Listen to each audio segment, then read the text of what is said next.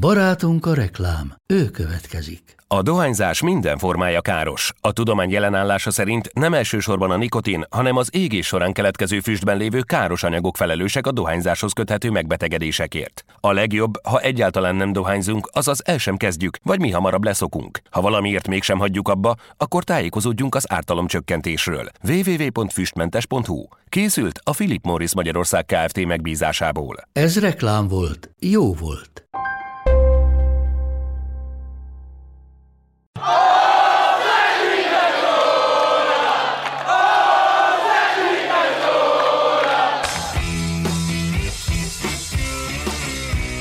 Ez a teljes terjedelem. Magyarország első futballpodcastja Bamstart Tiborral és Haraszti Ádámmal. És hogy ígértük Bereg István, köszöntjük nagyon nagy szeretettel ismét köreinkben. Felvezetendő picit a bajnokok ligája fináléját, hogy egy kicsit megkavarjuk a szokásos ügymenetünket itt a szezon végéhez közeledve, meg egy picit szerintem fogunk beszélni az Európa Ligáról is, már csak azért is, mert a kérdés, amivel készültem nektek, az abszolút az Európa Liga döntőre vonatkozik. Joe Willock, aki beszállt a mérkőzés végén, hány darab mérkőzést játszott, tét mérkőzést játszott szerintetek ebben a szezonban az Arsenal színeiben? Hát szerintem kettőt. Én azt mondom, hogy egy. Na, akkor erre visszatérünk majd természetesen a későbbiekben. Bár igazából szerintem az a szerencsésebb, hogyha az Európa Ligával kezdjük, és akkor majd a végén megválaszolom nektek a kérdést. Már csak itt az időrendiséget is szem előtt tartva, meg nyilván olyan nagyon mélyen, nem tudom, hogy mennyire érdemes belemenni itt a mérkőzésnek az eseményeibe, bár gyakorlatilag, mint hogyha két, hát eredményesség tekintetében mindenképpen nagyon különböző félidőt láttunk. A mutatott játék tekintetében mennyire volt különböző ez a két játékrész szerintetek? Megmondom őszintén, én annyira nem figyeltem élesen az Európa Liga döntőt, úgyhogy amennyit én láttam belőle, az igazából azért nehéz hova tenni, mert nekem nem csak a kameraállás, meg ugye a környezet miatt, hanem a játék tempója miatt is teljesen egy barátságos meccs jellegű uh-huh. mérkőzés volt. Um, amit, amit én láttam, én, én az első fél évben láttam, meg utána nyilván néztem egy, egy bővített összefoglalót, amit én láttam, hogy igazából nincsen középpálya. Uh-huh. Most ennek nyilván sok komponense lehet, egyrészt szerintem van ennek egy fizikai része is, mert azért három hét után olyan intenzitással pörögni, azért nagyon ki tud esni egy játékos ilyenkor a ritmusból. Ez lehet, hogy a, egyébként a BL döntőre is egy érdekes ö, következménye lehet ennek a, ennek a hosszabb kihagyásnak am, amit én láttam, hogy igazából egyik csapat sem tudott jól letámadni, és én kicsit ilyen kézilabda jellege volt. Én azt láttam, hogy egyik 16-os, másik 16-os, és így nem nagyon alakult ki olyan folyamatos játék. Most a, amit még így le tudtam szűrni, hogy igazából ennek az, arzenál, hogy az arzenálnak ez a szűk középpályája, ez a 5 5-2-1-2-es formáció kicsit úgy nézett ki, az nagyon nem működött, mert ahogy megbontották az első vonalnak a védekezését, a széleken folyamatosan tudott vagy létszámhátrány, vagy, vagy létszámerénybe kerülni a Chelsea, vagy egyáltalán csak azzal, hogy a szélen tudott bontani, és abból ugye egyből be tudta nyomni az arzenát a, a saját 16-osa elé. Úgyhogy uh, ilyen szempontból az első félőt jobban meg tudom ítélni, mert abból több... Még úgy nem nézte élesen, nem? Igen, igen, igen, ezt pont ezt akartam megjegyezni. több, több dolgot láttam, de igazából ami az Arzenának idén problémája volt itt a védekezés szempontjából, azért azok így jól kijöttek. Most egyébként az olyan szempontból érdekes, hogy azért a Szári-féle Chelsea nem a kiismerhetetlenségéről mhm. híres, Sőt. és ennek Szári ellenére... nem a kiismerhetetlenségéről híres, úgy, úgy igen, nem? Igen, ezt úgy, úgy szokták mondani, hogy ilyen, ilyen pattern play típusú játékot alakít ki, tehát hogy megvannak az adott minták, amik szinte meccsről meccsre folyamatosan hmm. ismétlődnek.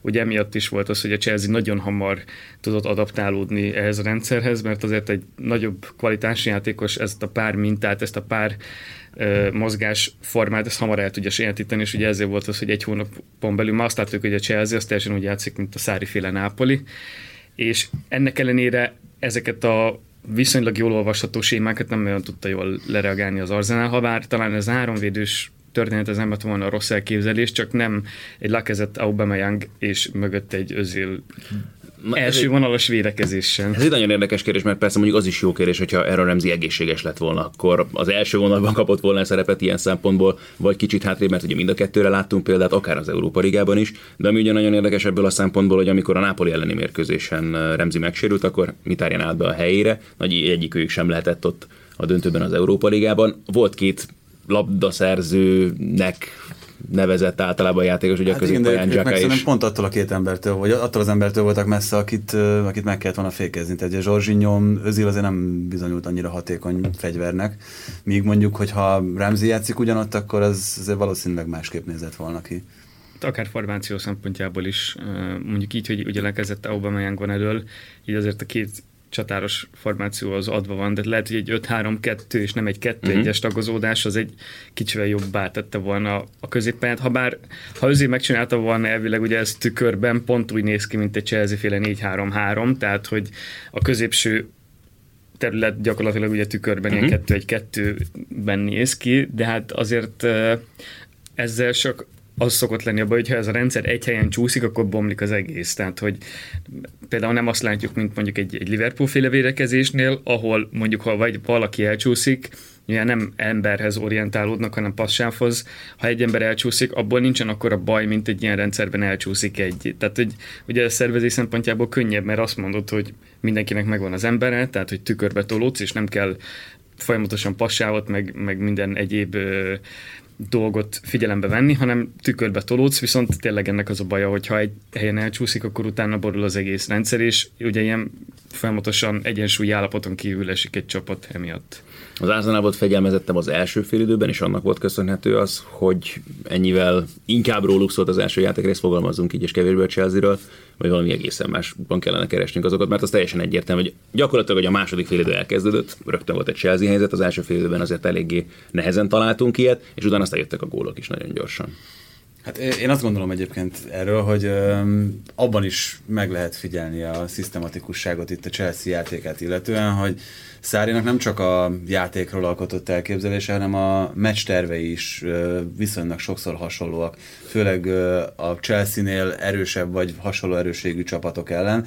Tö- Többször beszéltünk arról, hogy mennyire alakult volna másképp az a Manchester City elleni 6 0 meccs, amikor, amikor annyira kikapott a Chelsea, hogyha ott nem kapnak az első 10 percben három gólt, vagy most kis túlzással. Tehát, hogy itt is az Arsenal kezdett sokkal intenzívebben, mégis valahogy nekem az volt az érzésem, itt azért is húztam egy kicsit a számot, amikor Ádi azt mondta, hogy az Arsenal kezdett fegyelmezettebben, hogy a Chelsea-nek szerintem pontosan ez volt a meccs terve, ahogyan ez, ez felépült, és pontosan elkezdted érezni azokat, a, azokat a, az időszakokat, azokat a pillanatokat, amikor, amikor elkezdi a saját javára fordítani, és a saját ö, kezdeményezésére felépíteni a játékát a Chelsea. Hát, hogyha simán ebből az olasz mentalitásból indulok ki, akkor és a elmúlt években az ilyen nemzetközi döntőkön mutatott meccs stratégiából indulok ki, akkor azért meg lehet figyelni, hogy az, a csapatok nem szoktak egymásnak esni. Most nyilván egy BL, a BL döntő az szerintem pont a, ennek az ellentétét fogja hozni, hogy ott amiatt nem lesz játék az első 10-15 percben, mert egymást fogják letámadni. Azért tényleg itt egy kicsit azért a három hetes kihagyás azért ilyen szempontból én azt érzem, hogy az nagyon sokat hozzá tud tenni ehhez. Tehát, hogy majdnem azt, vett, azt lehetett látni, hogy igazából az összes labda kihozott abból az ellenfél meg tudja bontani a másikat. Tehát, hogy annyira nem, eh, nem akartak nagyon magasan letámadni, inkább egy ilyen, ez a fél pressz volt szerintem mindkét csapatnál. Ez a kicsit megyünk, hát ha meg tudjuk zavarni, de ha nem, akkor, akkor jó az Arzenál, ugye úgy volt vele, hogy akkor is mar- maradt hét játékos a labda vonala mögött, akkor majd valahogy akkor esetleg azzal letolódja. A Chelsea-nél is inkább ezt éreztem, hogy, hogy tényleg ez az óvatos, ez, ez azért szerintem az olaszos mentalitásból is tud fakadni az, hogy, hogy a meccs elejét azért, főleg ilyen körülmények között nem biztos, hogy fizikai szempontból sem különösen érdemes annyira, annyira magas intenzitással kezdeni. Hát meg Szárinál szerintem ez öm, nagyon kevés olyan meccset tudnátok szerintem mondani, aminél jellemző volt az, akár a Nápolis időszakra visszatekintve, akár itt a Chelsea-nél, hogy itt az első 10 percben, mint az őrült lerohanják az ellenfelet, sőt, tehát, hogy szerintem pont ennek az ellentetje, tehát, hogy inkább sok többször játszik erre a, erre a kivárásra. Aztán hát ez, ez egy olyan dolog, hogy ott is el lehet veszíteni a meccset az első negyed órában, mint ahogy ez megtörtént ott a City ellen. Fárasztod, fárasztod az ellenfelet. Van egy ilyen funkciója is. Ugye azért például, hogyha csak simán a labdabirtoklás koncepcióját hasonlítjuk Mhm. uh-huh. össze, azért a szári féle koncepció azért sokkal inkább magára arra épül, hogy minél több passzal operáljunk, nem feltétlenül az ellenfél mozgatására épül, mint mondjuk egy, egy Guardiola féle City, tehát ott kevesebb passz, de célirányosabb, itt több passz, de kevésbé célirányos, de ennek is megvan az a funkció, hogy mozgatod és fárasztod folyamatosan az ellenfelet. Azért ennek van egy fizikális, mentális oldala is, hogyha egy idő után nagyon sokat játszadoznak veled, mondjuk ezt én a Nápolis korszakában jobban éreztem, hogy, hogy ott azért sokszor volt ilyen 800-900 ezer passzos meccse is a Nápolinak, ami egy idő után tényleg annyira jó olasz csapatoknál talán kevésbé frusztráló, hogyha a végig labda ellen játszik egy olasz csapat, de hogy azért ennek van egy ilyen oldala is, hogy, hogy ilyen szempontból akarsz belekerülni az egyensúlyi helyzetedbe, hogy minél többet akarod járatni a labdát, és ugye nem ezek a rendszerek soha nem a, a a gyors építkezésen alapulnak, hanem minél komfortosabban, minél lassabban lassítsuk az ellenfelet, mert abból tudod jobban kontrollálni a, a kontratámadásokat. És hogyha nagyon van egy ilyen mondás, uh, Juan Manuel Lillo, ugye ez a pozíciós Juan játék. Egy, ugye, mm-hmm. Guardiola nagymestere. Igen, egy pozíciós játéknak egy, egy uh, alap filozofistája, csúnyán fogalmazva, ő azt mondta, hogy minél gyorsabban megy előre a labdánál, gyorsabban fog visszajönni. Tehát ez ilyen, ez, ez ilyen. És azért mondjuk ezen a meccsen pont ezt láthattuk ennek ellenére, hogy nem a, szerintem nem ez volt a cél, hogy, hogy ennyire ilyen kézilabda meccs jellege legyen a, a, a mérkőzésnek. Ennek ellenére ezt láttuk, hogy annyira, annyira gyorsan felért mindkét csapat, hogy nem volt ideje betolni az ellenfelet, nem volt ideje felzárkózni, ezért a kontrákból a másik már tudott visszafelé menni, és ezért volt egy kicsit ilyen, egy kicsit ilyen számomra csapkodó jellege, ami nem feltétlenül vagyunk hozzászokva. Például, ha megnézzük a VB döntőt, hogy ahhoz képest milyen volt, ami tényleg arra ment ki végig, hogy végig mind a két csapat nagyon stabilan akart, nagyon nem akart kockáztatni, itt azért ez kicsit másképp jelent meg ha már a VB döntő szóba került, volt egy fontos szereplő mindenképpen ezen a mérkőzésen, aki ott is játszott, és ez a meccs nekem abszolút Olivier Giroud, nem tudom, jutalomjátéka volt. Egyrészt nyilván amiatt is, hogy gólt szerzett, de egyébként is fontos szerepet töltött be az egész meccsen a Chelsea játékában, de itt a gólokból is alaposan kivette a saját szerepét. Igen, és ebben, részét. ebben az a leginkább különös szerintem, hogy azok alapján, a jellemzők alapján, amik uh, alapján Zsirút jónak tartjuk, már pedig szerintem jónak kell tartani őt mindenképpen, azok alapján ő az első pillanattól kezdve azt lehetett mondani, hogy hogy passzolt Szári rendszerébe, tehát hogy a, a, főleg úgy, hogy Azárnak ilyen cool szerepet szánt a támadásban. Zsiru megvívta azokat a harcokat elől többnyire, amiket, amiket neki meg kellett vívni. Neki azért a passzjátékával sem volt eddig sem különösebb probléma. Ő csapatszinten szerintem egy nagyon-nagyon jól használható center, és ezért volt furcsa az, hogy Zsirú először csak a Premier League-ben, aztán úgy, úgy szépen, szépen minden területen az Európa Ligán kívül elveszítette a bizalmat a csapaton belül, és lényegében tényleg ez az egy sorozat maradt neki, ahol, ahol bizonyíthatott. Hát ott bizonyított is azért, mint a gól király, meg, meg mint az egész sorozat egyik legjobb játékosa szerintem nagyon sokat tett ezért sokan vannak, akik ugye zsiruszkeptikusok, de szerintem ez a mérkőzés az abszolút meg kellett, hogy győzön mindenkit a hasznosságáról olyan szempontból is, hogy ugye itt ha két csatár közötti, most hogyha Iguainnal akarom összehasonlítani, azért megmondom őszintén, nem láttam túl sok Chelsea meccset, de annyit azért le tudtam szűrni, hogy a csatárokat nem arra használják, hogy állandóan védelem mögé induljanak. Nagyon, tehát sokkal hát inkább... Sőt, hát Iguain sokszor saját térfélen vetett labdát, amikor játszott. Igen, tehát sokkal inkább, most például egy, emlékszem egy Vidi elleni mérkőzésre, ahol, ahol Moratát is ugye folyamatosan úgy használták, hogy mindig vissza, tehát mindig lábhoz passzolva használták a csatárokat, és nem pedig mögé indulással. Mondjuk egyébként ilyen szempontból szerintem van különbség a Nápolis rendszerhez képest. Hát azért ott... Főleg ahhoz az időszakhoz képest, amikor egy Dries Mertens játszott ott középen igen, a három, három támadó azért sokkal több nem egymás közötti elmozgással, de sokkal több védelem mögé indulással operált, és ilyen szempontból szerintem jobban fel lehet használni Zsirut, aki azért a szimplán ezt a fizikai adottságát jobban ki tudja használni, hogy távol tartsa a védőt, és abból könnyebben tudnak ugye a, a felpasszok után építkezni. Kellett, hogy bárkinek nem tudom, tehát, jó, tehát mi sokat szoktunk beszélni az Eurovision hasznosságáról, azt azért, hogyha van egy ember, aki ugye világbajnok lett a francia válogatottal, és most úgy nyeri meg a chelsea az Európa Ligát, ráadásul az Arsenal ellen, ahonnan, hát nem azt mondom, hogy kiebrudalták, de azért az is egy nagyon érdekes történet volt, mert gyakorlatilag ugye amikor Aubameyangot megvette az Arsenal, akkor volt egy ilyen hármas csere a Dortmunddal és a Chelsea-vel. Ugye Chelsea-ből ment Batshuayi kölcsönbe a Dortmundba, a Dortmundból jött Aubameyang az Arsenalba, az Arsenalból meg Olivier Giroud ment tovább a Chelseahez, és hát a legkevésbé szerintem neki volt kezdve itt munkáltatót váltania, és ugye láttuk itt a reakcióját is, aztán a gólját szerezte, és ahogyan tényleg majd nem elnézést kért az Arsenal szurkolóktól. Nem tudom, mekkora elégtételt jelentetett neki ez az este. Hát nekem, ami Zsirúban még még egy nagyon nagy extra ahhoz képest, amit, amit a pályán tud, meg amit hasznosságban nyújt, hogy azért nagyon kevés olyan hasonló, hozzá hasonlóan eredményes csatárt tudtok mondani világbajnokot, aki azért most már itt az arsenal meg a Chelsea-t is beleszámítva top klubokban játszik, és képes azt elviselni, teljesen mindegy, hogy klub vagy válogatott szinten, bár a válogatottban általában kezdőként számoltak vele, hogy ugyanúgy hozzátesz a csapat játékához akkor is, hogyha 30 percekre áll be, meg akkor is, hogyha a csapat számára mondjuk a harmadik legfontosabb sorozatban kap kizárólag szerepet, mint az Európa Ligában te azért dolgoztál most már több játékossal viszonylag közeli viszonyban, azért az elmondható, hogy az ő lelküknek az ápolgatása és a kezelése az nem tartozik az edző és az edzői tím legegyszerűbb feladatai közé, és az, hogyha van egy, egy egyébként nyilvánvalóan egocentrikus csatár, mert, mert hát Zsirú valószínűleg minden az. csatár az van. van Na jó, de itt egy olyan emberről beszélünk, aki például a francia Vognak a címlapján szerepelt meg. Tehát... Igen, tehát, hogy, és van egy, van egy ilyen ember, aki, aki elfogadja ezeket ezeket a szerepeket, amik azért ö, az elmúlt években nagyon ritkán voltak vezérszerepek. Most itt talán tényleg a francia válogatott ilyen szempontból kakuktojás, mert ott, ott azért Deschamps szerintem, szerintem azt szánt neki, vagy hát a... De vezérnek semmiképpen nem nevezni. Vagy a, a játék szempontjából fontos volt a szerepe, persze. É, meg, meg ott, ott talán, talán, ott még azt is hangsúlyozták, hogy igen, ő egy fontos szereplője a csapatnak, de ezt igazán sehol máshol nem hangsúlyozták az Arsenalnál és a Chelsea-nél sem. Csatárok megítélése egyébként szerintem borzasztó nehéz.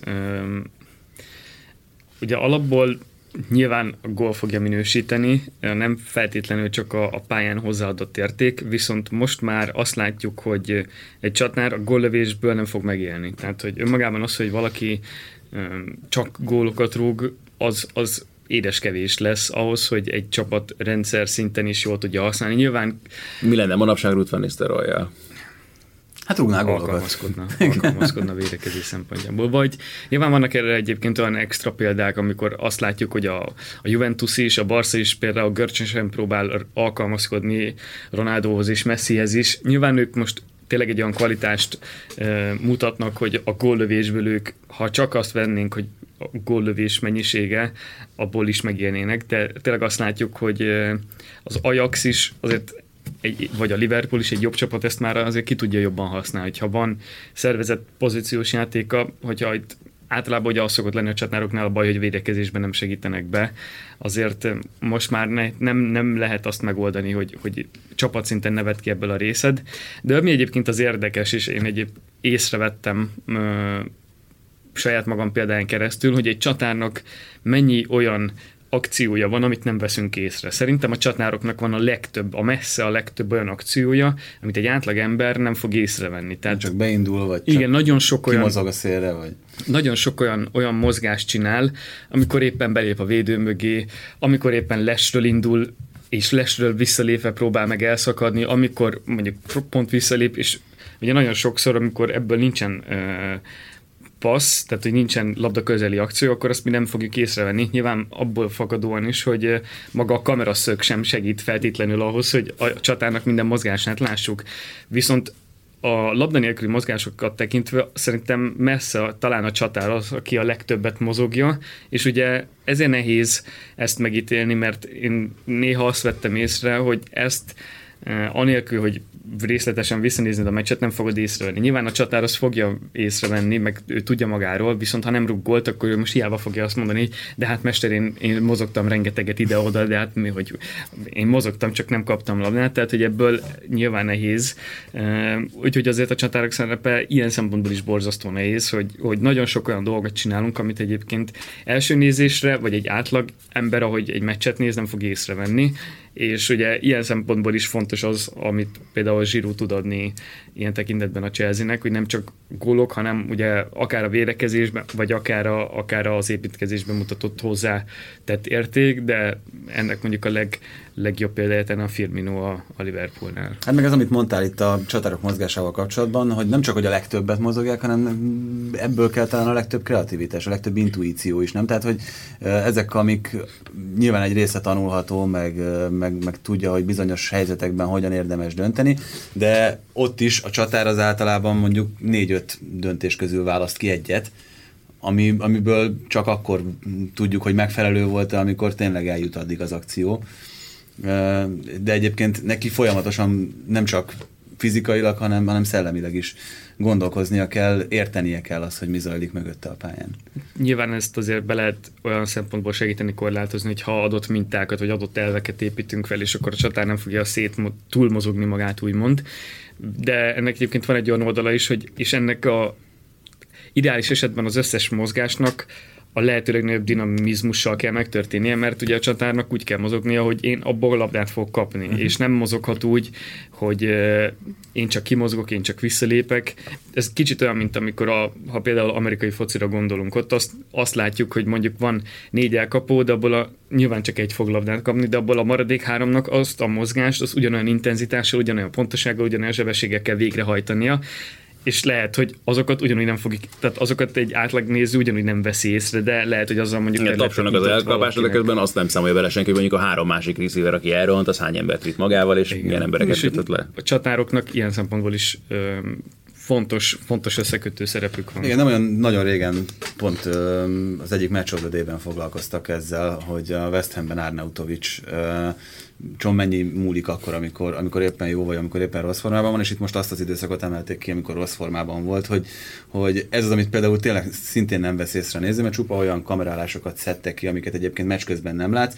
Itt sem volt megjátszható, itt sem mozgott be oda, ahova egyébként be kellett mozognia, itt sem kérte a labdát, és ezáltal egyébként nem ő az, akit, akit az ember, vagy egy laikus néző elővesz, hogy na, megint milyen rosszul mozgott az Arnautovics, hanem hogy a középpályások igen, milyen rosszul passzoltak meg, hogy egyetlen egy helyzetet nem tudtak kialakítani, holott nem volt egyszer sem esély arra, hogy, hogy mondjuk úgy játszák meg, hogy jó pozícióban kapja a labdát, jó testtartással, meg, meg mondjuk a kapuhoz olyan, vagy kapuval olyan viszonyban, hogy azzal valamit kezdeni is tudjon. Nem tudom, hogy Joe Willockról hosszú távon mi fog kiderülni, hogy csatár vagy középpályás. Minden esetre az egészen biztos, hogy az idei szezonban az Európa Ligában ez volt a harmadik mérkőzés, tehát korábban kétszer játszott. Játszott két bajnoki mérkőzésen, többek között ugye itt kezdő volt az utolsó Burnley elleni bajnoki meccsen, és volt még egy darab kupa mérkőzés a Blackpool ellen, azon mondjuk szerzett két gólt. szegény. Úgyhogy összesen öt darab tétmérkőzése volt az idei szezonban, és aztán jó, kicsit már ilyen veszett fejszennyele volt, amikor őt beállította Unai Emery, de itt ennek is nem tudom, több üzenete van. Nyilván valahol felé is, ha úgy tetszik, ez kicsit olyan ajándékszagú volt, hogy oké, okay, akkor játszott te is kvázi negyed órát egy Európa Liga döntőn. Mesut Özil számára is kellett, hogy valamilyen üzenetértéke legyen a dolognak, és azt hiszem ez át is jött neki, hogyan lett cammogott a pályáról, egy olyan laza 12 perc alatt le, sikerült le is jönnie a gyepről, de ilyen szempontból is furcsa volt nekem. Persze, nyilván negyed óra van hátra a mérkőzésből, három gól a hátrány, nagy csodát. Hát jó, de akkor is nem, nem néz ki jól szerintem, vagy nem mutat jól, mert már csak tényleg metakommunikáció szempontjából, hogyha... De én most konkrétan nem özére gondoltam egyébként, de ebben is egyébként abszolút egyetértek, hanem ennek a cserének milyen üzenete van, hogy behozol egy srácot, akitől hát most mit tudsz, ja, mire tudsz számítani, vagy... Nem, mint hogyha nagyon sok mindenki ezt tudott volna nyúlni egyébként a Kispagyáni Meri, bár ugye itt most mindenkit nevezni lehetett, aki élt és mozgott a csapatok környékéről a Kispadra ezen a mérkőzésen. Nem tudom, volt azért egy... az elég nagy volt a stadionban a Kispad. Hajjaj, az egészen biztos. Én inkább látok ennek egyébként akár globálisabb jellegű üzenetet, és nem tudom, hogy ez például a vezetőségnek mennyire szólhatott, hogy, hogy tessék, őt tudom beküldeni, uh-huh. vagy mhm. hogy őtőle várom azt, hogy akkor ilyen három gólos hátránynál, vagy két gólos, nem tudom pontosan mikor szállt be, hogy, volt, hogy három gólos hátránynál ő az, aki egyébként helyzetbe is került, uh-huh. tehát hogy azt azért tehát ilyen szempontból azért az edzőnek van egy ilyen, mindig van egy külön meccse a vezetőkkel, hogy akkor hogy segítik az ő munkáját, miben segítik, ki, milyen játékos tud hozni. Na meg az özélnek az esete is azért nálam eléggé kérdéses. Azért az mindent elmond, hogy én, aki nem figyelem aktívan az arzenát, többet hallok Özirről olyan szempontból, hogy éppen mit, mi, mennyit Fortnite-ozik, vagy mennyit, mennyiszer streameri saját magát Twitch-en, mint hogy mit, jár, mit mutat a pályán. És azért ilyen szinten, amikor egy játékosról már, már lehet, hogy ez csak nyilván a social media hatása is, mm-hmm. és hogy nem figyelem, azért az, azért az elég erősen bele tud rondítani, és nem csak a, a játékos megítélésében, hanem a csapat megítélésébe is ilyen szempontból, hogy, hogy itt egy játékos, akivel vagy ő nem tud mit kezdeni magával, vagy az edző nem tud mit kezdeni vele. Vagy mind a kettő. Vagy mind a kettő. Mondjuk én azt mondom, hogy az Arsenal Emery nevezésével egy viszonylag stabilnak mondható úton azért szerintem elindult, mert én azért láttam bizonyos olyan jegyeket a játékokban, és ez már lehetett a felkészülésnél is látni, például a PSG elleni meccsen nyomás alatti labda arról, vagy szervezett letámadásról, amit azért a Wenger érának főleg már a végén annyira már nem lehetett látni, viszont azért a játékos minőség, nem tudom, hogy itt azért a, a megszervezettség az mennyire van benne, mert ahhoz nem követtem eléggé őket, hogy most milyen taktikai jellegű mély elemzést tudnék most folytatni róluk.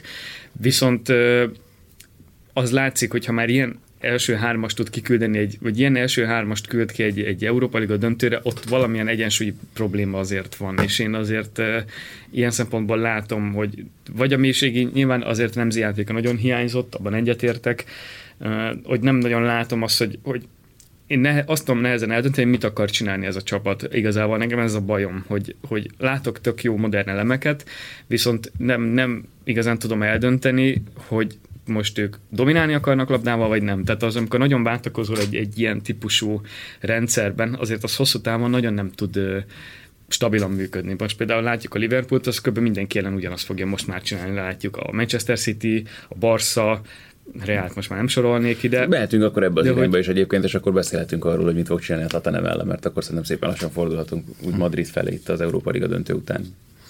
Nekem, nekem nem ez a legfontosabb kérdésem, de majd ezt fölteszem később itt a Tottenhammel kapcsolatban, de, de akkor kezdjünk a Liverpool-al, hogy, hogy az, el, az első kérdés szerintem inkább az, hogy ugye az látszik, hogy mennyire alakult át a Liverpool játék az előző évekhez képest, már azokhoz az évekhez képest, amikor már Klopp volt az edző, hogy sokszor ugye még a középső zónában sem támad a Liverpool, mint ahogyan korábban az szinte elképzelhetetlen lett volna, hogy, hogy gyakorlatilag már a labda kihozatalt minden esetben megzavarták.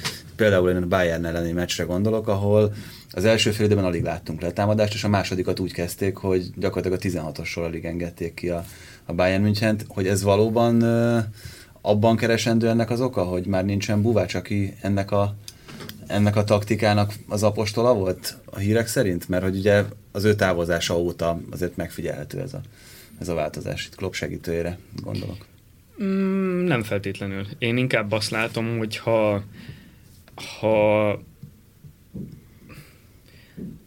labdabirtokló csapatok megtalálják, a, a Liverpoolnak van egy nagyon nagy gyenge pontja, amit, amit viszonylag jól ki lehet használni, és arra, ha nem váltanak formációt, azt azért könnyen ki lehet használni, vagy az, az történik, amit ugye mondtál, hogy, hogy nem tudnak olyan hatékonyan letámadni. Azért ott a, a Bayern viszonylag jól csinálta, hogy két visszalépővel beduplázta folyamatosan Firminót, és középen ott ilyen csúnyán fogalmazva, ilyen orientációs gondokat okoz, a Spurs, is, beszélsz. és a Spurs is így fordította meg majdnem a meccset ellenük itt az utolsó bajnoki meccsen, hogy fél időben formációt váltott, egy az a lényeg, hogy 4-2, aszimmetrikus 4-2-3-1, de a lényeg az, hogy középső létszámfölényre törekedtek, és ugye a Bayern is 4-2-3-1-ben játszott, és hogyha abban a középső zónában jól meg tudják találni az egyik visszalépőt, akivel gyakorlatilag a firmót be tudják duplázni, akkor abból vissza tudják szorítani a Liverpoolt. Tehát, hogy nehéz, úgyis nagyon nehéz megbontani őket, viszont azért drasztikusan a, azt a viszonylag magas letámadást azt vissza lehet nyomni mondjuk egy 20 méterrel, és azért az pont el tudja venni azt a letámadási intenzitást a csapattól, amit ugye mondtál, vagy amit kérdeztél, hogy, hogy ami nem megszokott, viszont kevés csapat nem is azt mondom, hogy kevés csapat veszi ezt talán észre, de kevés csapat tudja ezt jól megcsinálni, hogy ebből valós előnyt tudjon kialakítani magának. Az jutott közben eszembe, hogy az Ajaxnak is gyakorlatilag a második fél időben sikerült megtalálni a visszavágón a játék ellen az ellenszert Pochettinónak. A Liverpool viszont sokkal jobban ismeri ilyen szempontból. Egyszerűbb dolga lesz ettől neki erre a döntőre felkészülni? Hát nehéz, ugye én most például a Nemzeti Sport is megkeresett ezzel kapcsolatban, szóval már oda is próbáltam mm. rendszerezni, hogy milyen lehetőségek vannak. Ami, amit lehet látni Pochettinónál, hogy nagyon sok rendszert használ, alkalmaz, vált, szerintem túl sokat. Uh-huh. Igen, ezt Én azt gondolom. kérdezni, hogy ezt, ezt uh, elemző szemmel hogyan értékeled, hogy, hogy meccsek közben ennyi változtatás, ennyi váltás van, hogy ez pozitívum inkább, vagy negatívum, mert hogy, hogy változtatni kell, az nyilván valahol annak is a következménye, hogy nem feltétlenül kezdte úgy a meccset, ahogy a legideálisabb lett volna. Az a negatívum, amit pont amit mondtál, hogy, hogy nagyon sokszor kell változtatnia, mert nem kezdenek jó rendszerre. Most például legutóbbi mind a két Liverpool, tehát az egyik Liverpool elleni meccsen szeptemberben rombusszal játszottak, utána 3-5-2-ben egyik sem működött, fél időben mindkettőbe váltott, viszont tehát ez a negatív része, hogy, hogy és például az Ajax ellen is. Az Ajax mindkét Ajax meccsen talán az elsőben nem a félidőben, hanem egy picivel hamarabb, azt hiszem a 40. percbe váltott. A második meccsen félidőben nyúlt úgy bele, ugye Jorente cseréje, a, a szélek megcserélése, hogy ott... Mármint az, az Ajax, az Ajax ellen szerintem nagyon korán váltott. Tehát ott, ott 10 perc után ugye három védővel kezdett, és ott ott már a 12. percben Fertongen balhátvéd volt, és Rose már a középpályán játszott. Én későbbre, én, kés, én első idő vége felére emlékszem, amikor Fertongen már tisztán... balhátvédként sérült meg. Aha. Tehát, hogy ott akkor már a vonal mellett játszott. Hár, három védővel is sokszor kiszorulsz úgy. Tehát, hogyha három védővel hozod, akkor az én, én eh, ahogy emlékszem, én ott a 30-40. perc között vettem észre, sok oldal 4-2-3 egyet írt, én rombuszt vettem észre, hogy rombuszra váltott. A lényeg ilyen szempontból szerintem az, hogy amikor viszont vált, akkor mindig jótra vált. Mm. Tehát, hogy amikor ő váltani szokott, akkor viszont mindig megtalálja azt, ami éppen ahhoz a meccshez, vagy ahhoz a játék dinamikához neki kell, hogy megfordítsa a játék képét. Tehát, hogy ilyen szempontból viszont jól tud váltani, mert a Liverpool elleni mindkét meccsen úgy váltott, hogy abból jobban jöttek ki, és most az Ajax elleni, csak hogy a közelmúltot mondjam, vagy a Manchester City elleni ugye visszavágón is. Rombusszal kezdett 18. percben pedig átváltott, tehát 4-2-3-1-re, ott is jól. Tehát, hogy ilyen szempontból viszont jól tud váltani, csak ugye hát nyilván nehéz így belelátni, hogy most miért kezdenek mindig rossz formáció, vagy mi. Tehát, hogy mi, nem tudom, hogy mi, mi lehet, tehát... hát attól függ az elképzelés persze, hogy, hogy mi, mit akarnak kialakítani, de hogy ilyen szempontból viszont megvan a pozitív oldala is. Hát meg ebben szerintem az a bámulatos valahol, hogy, hogy ez menet közben, úgyhogy nem kell hozzá szünet, nincs időkérés, ugye a fociban, hogy itt azért rendszer szintű változtatásokról van szó nagyon sok esetben, hogy, hogy ez sokszor zöggenőmentesen megtörténik a pályán, hogy tudja a, a balbek, hogy neki onnantól kezdve hova kell helyezkednie, meddig mehet föl, tudja a háromvédős rendszerben a belső, középső és a jobb oldali ember, hogy, hogy neki hogy kell mozogni, és tudja a csatár, hogy akkor ő, ő hogyan vagy hol kezdje meg a letámadást. Tehát, hogy itt minden esetben arról van szó, hogy csak leoktatott és betanult rendszerek azok, amikhez hozzányúl meccs közben, vagy azokon is variál még.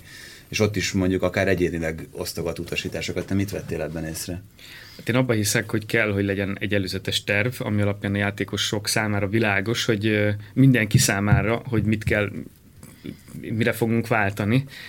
Ennek szerintem több komponense van. Egyrészt az, hogy Pochettino is ott van már öt éve, azért az kellő időt tud adni egy csapat kialakítása szempontjából, hogy a csapatot többféle lehetőségre, vagy többféle variációra fel tudja készíteni. Hát, ugye nem kell új embereket betanítani. Pont ezt akartam mondani, mert ugye ezzel sem volt probléma. Az jutott még eszembe egyébként, bocsánat, csak hogy a szabadba vágok, hogy mi ugye persze azt látjuk csak, hogy egy mérkőzés közben az edző hozzányúl a csapatához és átalakítja a rendszert, de nem tudom, hogy az mennyire lehet akár megbeszélve, hogy eleve a meccs előtt, amikor felállítja a csapatát, hogy srácok, ezzel kezdünk, aztán hogyha esetleg úgy alakul a szitu, akkor így változtatunk. Mert ez is benne lett a papíron. Általában nem? szokott lenni. Tehát általában szokott lenni. Az most például, például most én ugye, mikor kint voltam Salzburgban, ott a René Marikkal beszélgettem, ő is mondta, hogy ott kézjel alapján van. Tehát, hogy uh-huh. megvan előre mondva, hogy ha jelzek XY-nak, akkor onnantól kezdve tudja mindenki, hogy át kell váltani esetleg egy másik rendszerre. Ez most csak azért mondom ilyen külföldi példának, mert én itthon tapasztaltam ezt, de hogy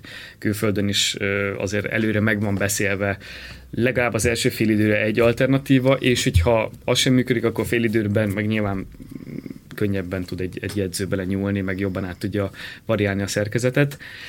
Ugye volt ez a mm, a komponens, hogy a Pochettino-nak több ideje volt, azért van egy olyan ö, része is, hogy a játékosok milyen típusú milyen típusú játékosaid vannak. Azért, hogyha sokszor úgy nézett ki a háromvédős rendszere, hogy a, a Róz játszotta a szélső hátvédet, a, a Fertongen pedig a baloldali belső védőt, és ebből meg könnyen tudott váltani négy védőre, úgyhogy a Róz feltolta, a Fertongent kihozta. Tehát, hogy ilyen szempontból is azért könnyebb dolga van.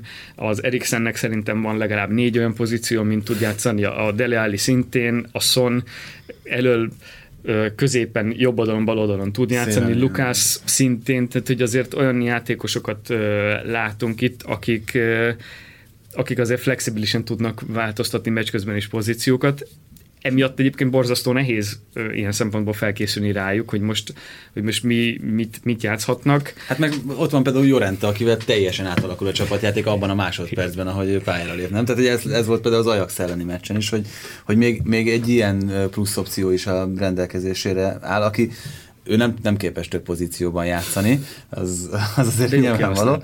Jól, jól kihasználták. Amit, és, amit, de igen, és, és, és amit, amit ő tudott hozni, ahhoz tudtak alkalmazkodni a játékostársak, és abból tudott nagyon komoly előnyt kovácsolni a, a Tottenham. De egyébként egy borzasztó egyszerű ugye, dolgot használtak ki, az, hogy nekem van egy magasabb csatárom, mint a te belső védőd, viszont nyilván ennek volt egy olyan, olyan ö, aspektusa is, hogy ők is, tehát a második félidőben jobban kialakították ezt mm, ilyen középpályás négyzet gyakorlatilag úgy játszák le ezt a 4-2-3-1-et, hogy négy játékos helyezkedik bent a ilyen 2-2-es tagozódásban, és mivel az Ajax középen például erősen embert fogott, ezért vagy az jött ki, hogy volt egy plusz embere, vagy az jött ki, hogy valakinek visszább kell tolódnia, így viszont csökkent előről a nyomás, és pontosabb hosszú labdákat tudták ugye a, a Jorentét megjátszani. Tehát ilyen szempontból például hosszú labda, hosszú labda között azért borzasztó különbség van, tehát hogy nem csak egy vakon felévelt labda volt, hanem nagyon sokszor nyomás nélkül a két belső védő úgymond belöbbölte ugye Jorentének a labdát, amit sokkal könnyebb volt neki is megjátszania, átvennie, tehát hogy ilyen szempontból még ezzel is tudtak ö, játszani és még ugye egy utolsó gondolat erejéig visszatérve, amiben szerintem viszont a legfontosabb az az edzésmódszertan. Tehát, hogy az edzésmódszertannak mennyire, mennyire úgymond játékközpontú. Tehát, hogy nem, azért sok esetben ezeket az edzésjátékokat inkább úgy kell elképzelni, hogy, hogy inkább a megadott elvek szerinti gyakorlás történik, nem pedig feltétlenül rendszer alapján. Mert hogyha van egy stabilabb elképzelésed elvi szinten, hogy, hogy te nagyjából így akarsz bontani, te nagyjából ilyen mozgásokat akarsz csinálni, annak ugye nyilván megvan az a verzió is, hogy melyik formáció az, ami azt jobban elősegíti egy-egy adott mérkőzésre vonatkozóan is, és ez nyilván változhat. Tehát én azt látom a, a, a Spursnél, hogy ezek az elvek ezek nagyon világosan megvannak. Nyilván a Liverpoolnál is ott egy picivel persze másabbak, de ugye én ezt látom a Spursnél, hogy, hogy ott azért jobban megvannak, és ugye abban megvan az, hogy akkor ez hogy néz neki mondjuk rombuszban, hogy néz ez ki 3-5-2-ben, hogy néz ki aszimmetrikus 4-2-3-1-ben, játszottak már itt idén a Liverpool ellen 4-1-4-1-et is, tehát tényleg olyan, olyan féle flexibilitást mutatnak ilyen szempontból is, ami, ami én azt mondom, hogy ők ezeket azért komfortosan meg tudják játszani. Nyilván az, hogy ma, ha vannak olyan játékosok, vagy van olyan csapat, amivel nem érdemes nagyon, amivel nem érdemes nagyon piszkálni, vagy nem érdemes nagyon több rendszert kialakítani, az Spurs viszont pont egy olyan csapat, amelyik nagyon flexibilisen tud, ebből is, ebből a sok komponensből fakadóan könnyen tud váltani meccs közben, tehát nem vesszük észre, hogy, hogy például ugye sokszor csapatnál szokott lenni az, hogy van egy alaprendszer, változtatok,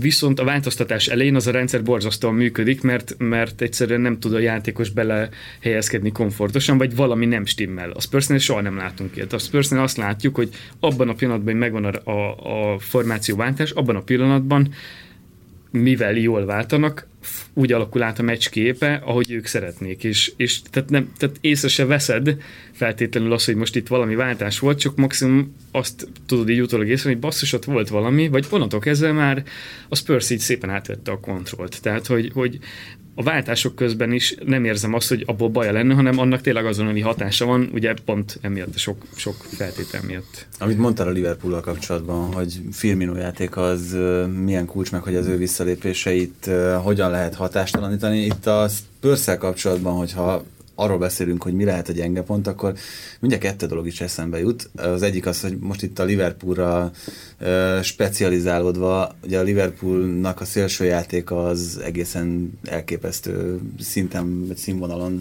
történt ebben a szezonban. Ugye Robertson szenzációs volt a bal oldalon, Alexander Arnold Salah a, a, a, Robertson a bal oldalon, Alexander Arnold és Salah a jobb oldalon, míg mondjuk itt Trippier esetében arról beszélhetünk, hogy nem nagyon találtak megoldást a, a Tottenhamnél a jobb oldali védő hát igazán jól prosperáló működésére. Ez az egyik. A másik pedig, hogyha ugyanabból a szempontból nézzük, mint a Liverpoolt, akkor ott ugyanezt a szerepet Eriksen tölti be? Tehát, hogyha őt kapcsolják ki, akkor iktatják ki a motort?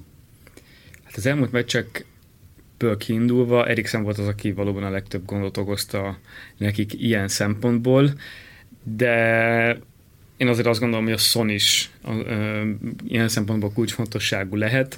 Én azt várom, hogy Son inkább a bal oldalra kihelyezve szélre fogják használni, Ugye ennek az, én miatt is gondoltam erre az aszimmetrikus 4-2-3-1-re, hogy abban a Rose egy kicsit mélyebben van, hogy a szalát jobban tudja kontrollálni esetleg kontráknál. Azért nagyon sokszor, például az első meccsen, még a szeptemberi meccsen az volt, hogy ott mindkét szélsővédőjét elengedte a Spurs ebben a rombuszban, hogy magasan helyezkedjenek alapból, viszont abban a pillanatban, hogy labdát veszítettek, mindkét szél megjátszható volt. Most azzal tudnak játszani, hogy a rószt egy kicsit visszább húzzák, Son kimegy szélre, ott amúgy is szerintem jobban ki tudja használni az egy az egyezési képességeit. Ez persze akkor, hogyha van kén középen, tehát hogy akkor jobban kijön ez a, ez a történet, mert ott azért Alexander Arnold ilyen szempontból szerintem például sebezhető, hogy ha ott ezt ezt keresünk, de ugye Liverpoolnak az erőségeit, vagy a Spurs gyengeségeit keresünk. A kontrák azok mindenképp. Tehát ilyen szempontból várom azt, hogy talán ezzel fog játszani. Ez biztos, hogy egy kicsit stabilabbá teheti, mert Trippier valószínűleg, hogy el fogja engedni ott a jobb oldalon egy kicsit feljebb lépjen, az Eriksen bejebb fog lépni, az Eriksen pozíciója az, aki, aki azért valóban ott a legtöbb ö, gondot okozta. Hát azért vannak itt még pontrugások, amik, hogyha most csak nem a, a pozíciós játékban történteket veszem külön, hogy egy kicsit ilyen más felé is beszélünk. Pontrugások ö, tekintetében azért sok érdekességet látunk, például a Ugye a Spurs nagyon nem tudott például deliktes elzárásokkal mit kezdeni. Tehát például tök érdekes volt, vagy ezt, ezt ilyen szempontból érdemes megfigyelni. Ugye korábban volt is erről egy vita, hogy most akkor a Juventus az embert fogott-e, vagy, vagy hogy védekezett. Ha megnézzük, visszanézitek majd esetleg a, a a deliktes szögleteket az Ajaxnál, akkor azt, lát, azt lehet látni, hogy Trippier kezd vele el indulni. Tehát, hogy ugye alapból azt mondod, hogy mi a fenéért Trippier, aki, aki elkezd vele futni. Igen. Azért, mert uh, mögötte három méterrel pedig ott volt uh, Fertongen, akinek ugye át kellett volna vennie, hogy pont a zárást kikerüljék ezáltal. Ezért volt például ott a Juventusnál is nagyobb távolságot a Deliktnél például, mert uh, az emberfogás volt, csak ugye abban a pillanatban, abban a pillanatban, hogy te várod az elzárást, ha nagyon közel mész, akkor pont bele fogsz futni, vagy pont magadnak teszed nehézé.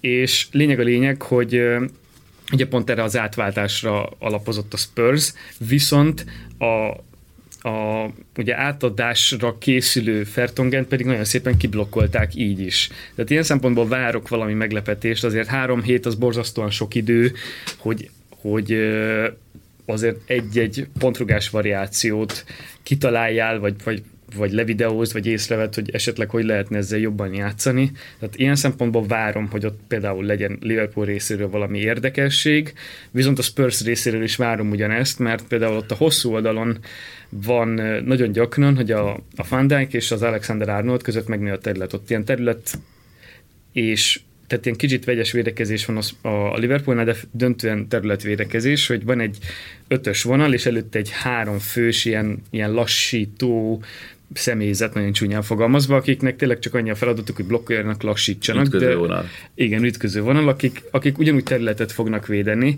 Viszont ott a hosszú oldalon a, az utolsó két játékos, Van Dijk és a, a, az Alexander Arnold között rendszeresen megnő a terület. Az, ami az érdekesség, hogy például ezt így a Leicester próbáltam meg, nem is a Leicester, bocsánat, a Cardiff próbáltam meg ezt kihasználni.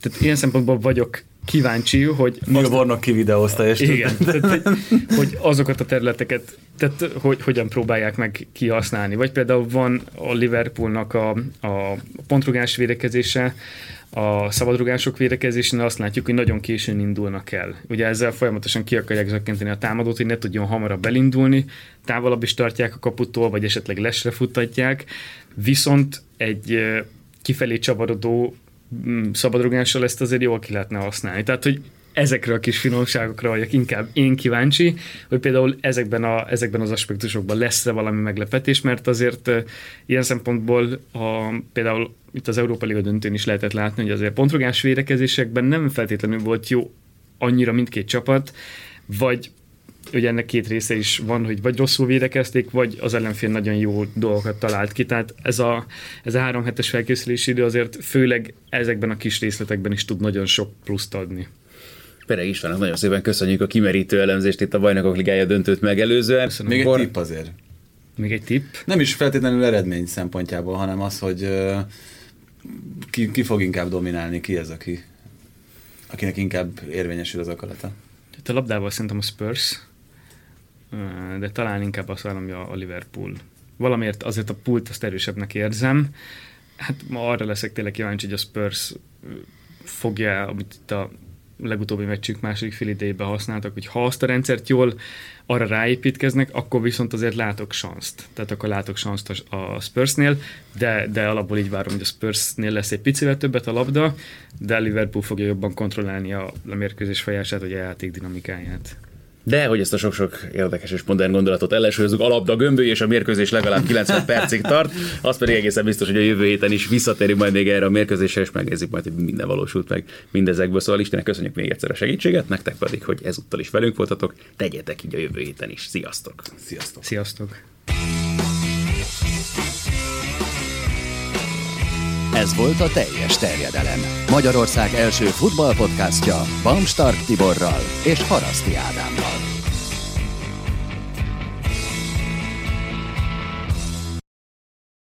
Ha más podcastekre is kíváncsi vagy, hallgassd meg a Béton műsor ajánlóját.